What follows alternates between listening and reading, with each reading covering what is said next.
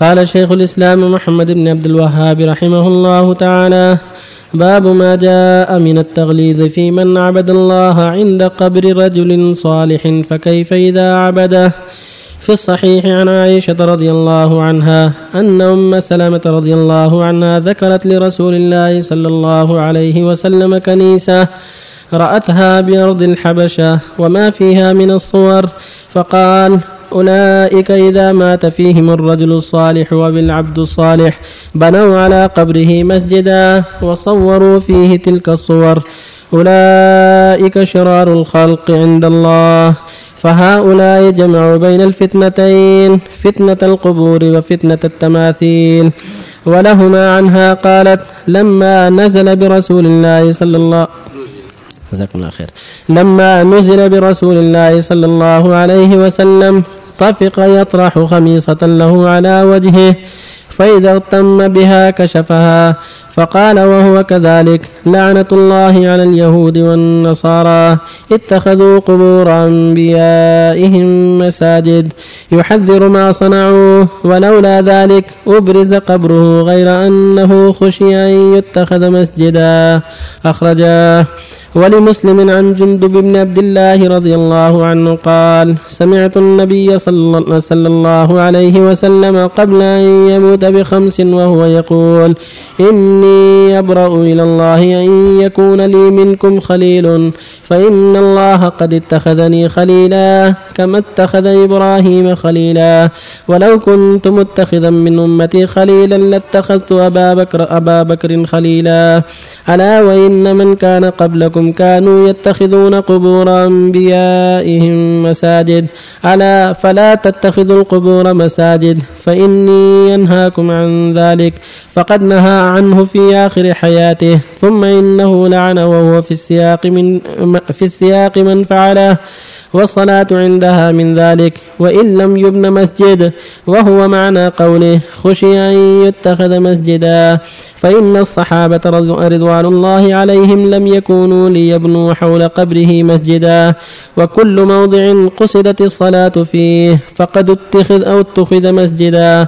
بل كل موضع يصلى فيه يسمى مسجدا كما قال صلى الله عليه وسلم جعلت لي الأرض مسجدا وطهورا. ولأحمد بسند جيد عن ابن مسعود رضي الله عنه مرفوعا. إن من شرار الناس من تدركهم الساعة وهم أحياء والذين يتخذون القبور مساجد. ورواه أبو حاتم في صحيحه. بسم الله الرحمن الرحيم. الحمد لله. وصلى الله وسلم على رسول الله وعلى آله وأصحابه. ومن اهتدى بهدى أما بعد. هذه الترجمة أراد بها المؤلف تاكيد ما تقدم والمؤلف هو أبو عبد الله الإمام شيخ الإسلام ابن تيمية شيخ الإسلام في زمانة الشيخ محمد بن عبد الوهاب بن سليمان التميمي الحنبلي رحمه الله المجدد من درس من معالم الإسلام في هذه الجزيرة. في النصف الثاني من القرن الثاني عشر الهجري. يقول رحمه الله في هذا الباب مؤكدا لما تقدم من التحذير من الغلو وأسباب الشرك يقول رحمه الله. باب ما جاء من التغليظ في من عبد الله عند قبر رجل صالح فكيف إذا عبده؟ يعني جاءت النصوص تدل على شدة الإثم وعظم الإثم في التعبد عند القبور لأنه وسيلة للشرك. فكيف إذا وقع الشرك؟ كان الأمر أعظم. فكيف إذا عبدت من دون الله واتخذت آلهة؟ صار الأمر أعظم صارت الغاية وقعت وهي الشرك. نسأل الله العافية. فالرسول صلى الله عليه وسلم نهى وحذر من اتخاذ القبور مساجد لأن هذا وسيلة للشرك وذريعة. فإذا وقع الشرك فذلك هو الغاية القصوى التي هي غاية الشر والفساد. قال الله تعالى إن الشرك لظلم عظيم.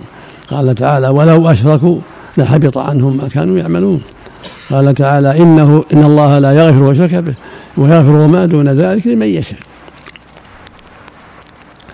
في الصحيح عن عائشة رضي الله عنها أن أم حبيبة ذكرت لها ذكرت النبي صلى الله عليه وسلم كنيسة كنيسة معبد النصارى رأتها في أرض الحبشة والحبشة من النصارى غالبهم من النصارى وقد أسلم كثير منهم. فقال أولئك إذا مات فيهم الرجل الصالح بنوا على قبره مسجدا وصوروا في تلك الصور. أولئك شرار خطاب للمرأة أولئك بالكسر الكاف خطاب للمرأة لأم حبيبة. أم حبيبة هي بنت أبي سفيان بن حرب زوجة النبي صلى الله عليه وسلم أم المؤمنين. كانت مع زوجها في الحبشة ثم تزوجها النبي صلى الله عليه وسلم. بين صلى الله عليه وسلم أن المشركين كانوا يتعبدون عند القبور ويصورون الصور. فالواجب الحذر من أخلاقهم وسيرتهم. أولئك إذا مات فيهم الرجل الصالح بنوا على قبره مسجدا وصوروا فيه تلك الصور صور فلان وفلان. أولئك شرار الخلق عند الله. يعني هؤلاء الذين يتخذون الصور على القبور ويعبدونها من دون الله هم شرار الخلق. فنصب الصور وسيلة للشرك. وبناء المساجد القبور وسيلة للشرك. فكلاهما وسيلة. بناء المساجد على القبور واتخاذ الصور على القبور أو في بيوت المصورين أو في المساجد كلها وسيلة للشرك. كما فعل قوم وفي ود وسواع ويعوث ويعوق فوقع الشرك. ثم بين صلى أن أولئك هم شرار الخلق عند الله. لأن شرار الخلق هم الكفار وخيار الخلق هم المؤمنون. فالمؤمن بالله ورسوله هم خيار الخلق وعلى رأسهم الرسل والأنبياء عليهم الصلاة والسلام. وشرار الخلق هم عباد غير الله. وعلى رأسهم أئمتهم كفرعون وأشباهه. وفي الصحيح عائشة رضي الله عنها أم المؤمنين بنت الصديق رضي الله عنها وعن أبيها. قالت لما نزل برسول الله يعني لما نزل ملك الموت عند قرب الأجل جعل يطلق يطفق يطرح خميصة له على وجهه الخميصة كساء. فإذا اغتم بها كشفها. فقال وهو كذلك لعنة الله على اليهود والنصارى اتخذوا قبور أنبياء مساجد يحذر الناس. في هذه الحالة حالة قرب الأجل من شدة نصحه وكمال نصح الأمة عليه الصلاة والسلام. في هذه الحالة الخطيرة يقول صلى الله عليه وسلم اشتد غضبه لعن الله اليهود والنصارى اتخذوا قبور أنبيائهم مساجد قالت عائشة يحذر ما صنعوا. ولولا ذلك يعني لولا الخوف أن يتخذ قبره مسجدا لأبرز مع الناس في البقيع. ولكنه خشي يعني خشي الصحابة أن يتخذ مسجدا فدفنوه في بيت عائشة حتى لا يتوصل الناس إلى اتخاذه مسجدا. والمقصود من هذا التحذير من التعبد عند القبور وعبادة أهلها ودعائهم من دون الله والاستغاثة بهم ونحو ذلك. فالتعبد عند القبور وسيلة للشرك والعبادة لأهل القبور هو الشرك الأكبر. ولمسلم عن جندب بن عبد الله البجلي رضي الله عنه أنه سمع النبي يقول قبل أن يموت بخمس في مرض موته.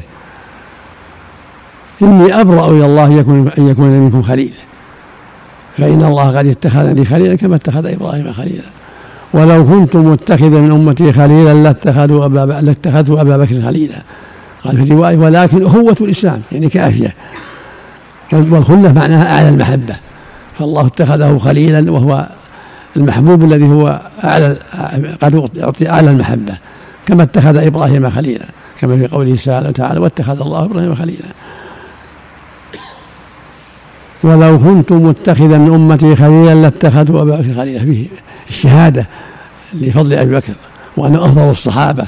ولو كان يجوز له يتخذ خليلا اتخذه رضي الله عنه لكمال محبته له ولصدقه في اتباع الرسول صلى الله عليه وسلم ولكونه بذل أمواله وجاهه وبدنه وقوته في نصر دين الله رضي الله عنه وأرضاه.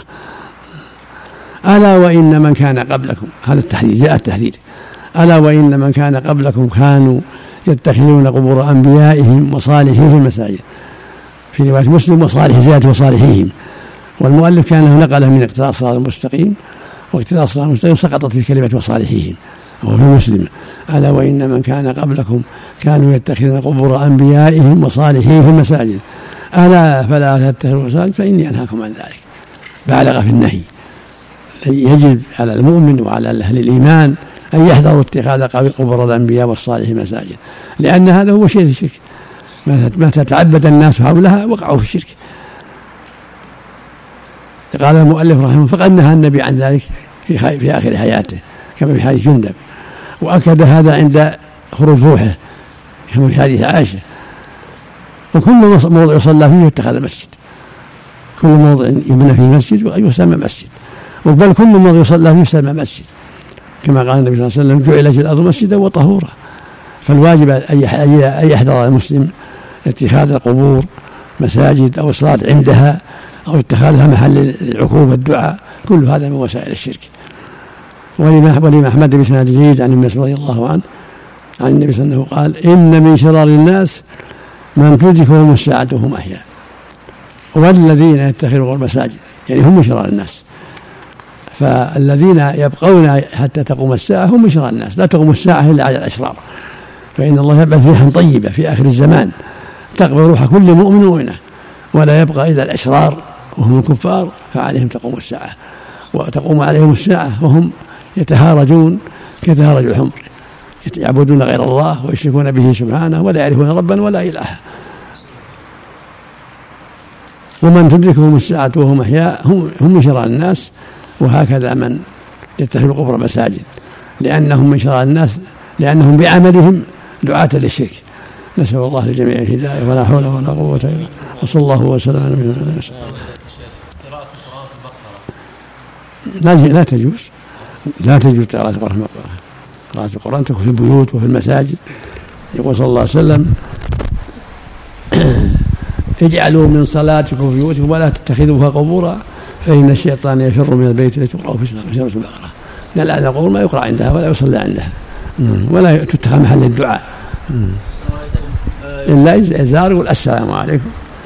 أهل الديار. وإنا إن شاء الله ونسأل الله لنا ولكم العافية. يرحم الله واستغفر كما بين النبي صلى الله عليه وسلم دعاء الزيارة. السلام عليكم. يقولون في قاعدة للوسائل أحكام الغايات. إيه. فإذا قلنا مثلا أن عبادة القبر يعني في التحريم مو في كل شيء يعني في التحريم. وسائل الشيء محرمة كان شيء محرم لكن لا تكون وسائل شرك الشرك غير ولا وسائل شيء غير. في اتخاذ المساجد الصلاة عندها من وسائل الشرك. والشرك عبادتها من دون الله. وهكذا الصلاة بعد العصر وبعد الفجر من وسائل الشرك وليست شركا. الشرك أن تعبد الشمس من دون الله. أما كونك تصلي بعد العصر أو عند الغروب أو عند طلوع الشمس وأن تقصد الله هذا لا يجوز هذا من وسائل الشرك. والشرك أن تعبد الشمس مع الله جل وعلا. وهكذا الصلاة عند القبور وسيلة. والشرك أن تعبد أصحاب القبور نسأل الله العافية. لا, لا يقتضي أن تكون إذا كانت الغاية كفر أن تكون وسيلة كفر. وسيلة, وسيلة فيها تفصيل. أحسن الله نعم. أحسن الله إليكم الشيخ قول من قال في قصة أهل الكهف لنتخذن عليهم مسجدا. معناها يا شيخ؟ هذا على أمرهم لا نتخذ مسجدا. ظنوا أنها أنها جائزة وأنها عبادة. جهلا منهم. وجاءت الشريعة بأن هذا منكر جاءت الإسلامية. فالذين غلبوا على من المسجد هذا من جهلهم. تدل السنة على أن هؤلاء قالوا من جهلهم. أحسن الله عليكم يا شيخ. يدل على هذا أن النبي صلى الله عليه وسلم منع اليهود والنصارى أنه ما كان من شريعة من قبلنا يا شيخ. نعم. بفعلهم ذلك. نعم نعم. أحسن الله عليكم. لو كان من شريعتهم ما لعنهم. نعم. نعم. الرسول صلى الله عليه وسلم مو الآن مو في داخل المسجد؟ في بيت عائشة. سم في بيت عائشة. والبيت برمته في المسجد. نعم. يعني ما يسمى داخل لا ما يسمى لا لأنه في البيت. يعني البيت لكن داخل المسجد. لما وسع مسجد الوليد بن عبد الملك دخله وقد أخطأ في هذا ولكن ما يكون في المسجد. البيت اللي في المسجد. البيت, البيت مستقل. بيته هذه وضعها بعض الأتراك. بعض الأتراك متأخر في القرن التاسع أو العاشر غلط غلط منهم. نعم. قول شيخ الإسلام ورواه أبو حاتم في صحيح. ابن حبان يعني أبو حاتم بن حبان في صحيح. روايه احمد بالنسبة لمسألة قبر النبي صلى الله عليه وسلم أغلب المشركون وعلمائهم يحتجون بهذا إنه يبين لهم يبين لهم أنه في بيته صلى الله عليه وسلم وهو في المسجد وحجتهم داحضة. الأدلة دالة على هذا. يبين لهم أن هذا غلط. ولو شبهة لضعفاء البصيرة شبهة. ضعفاء البصيرة. بعض من الناس يا شيخ عندما يحضر إلى المقبرة يقوم بالتذكير على الحاضرين. ما في بأس التذكير ما حال. النبي صلى الله عليه وسلم نصح الناس وهو في المقبرة وهو ينتظر الدفن. نصحهم في حديث علي في الصحيحين في حديث البراء بن عازب في السنن. نصح إذا جلسوا ينتظرون نصحهم. طيب. يعتبر تذكرة في في المقابر ما في بأس، ما في بأس. سنة ولا مستحب؟ مستحب. مستحب. لفعل النبي صلى الله عليه وسلم. أحسن عليكم. ما حكم الصلاة إذا كان القبر موجود في وسط المسجد؟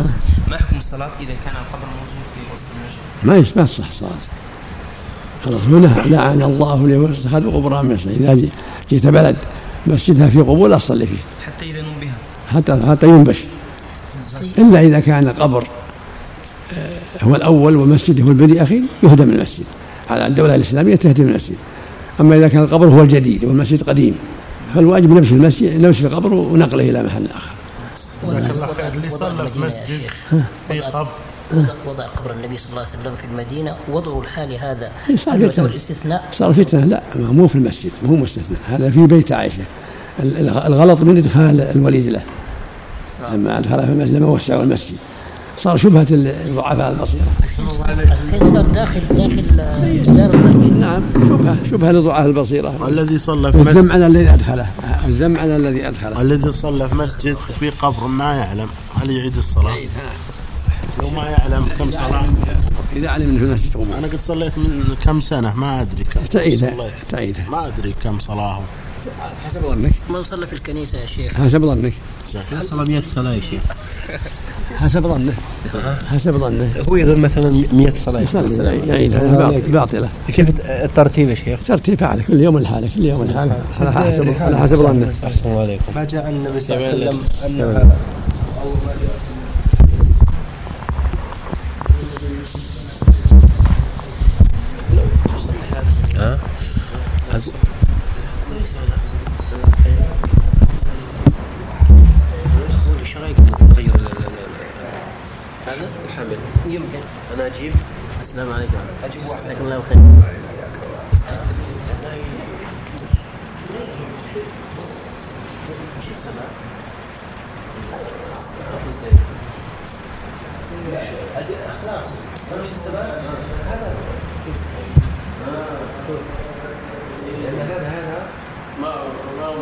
لا مضبط ولكن شوف يعني أجيب واحد ونجرب ان شاء الله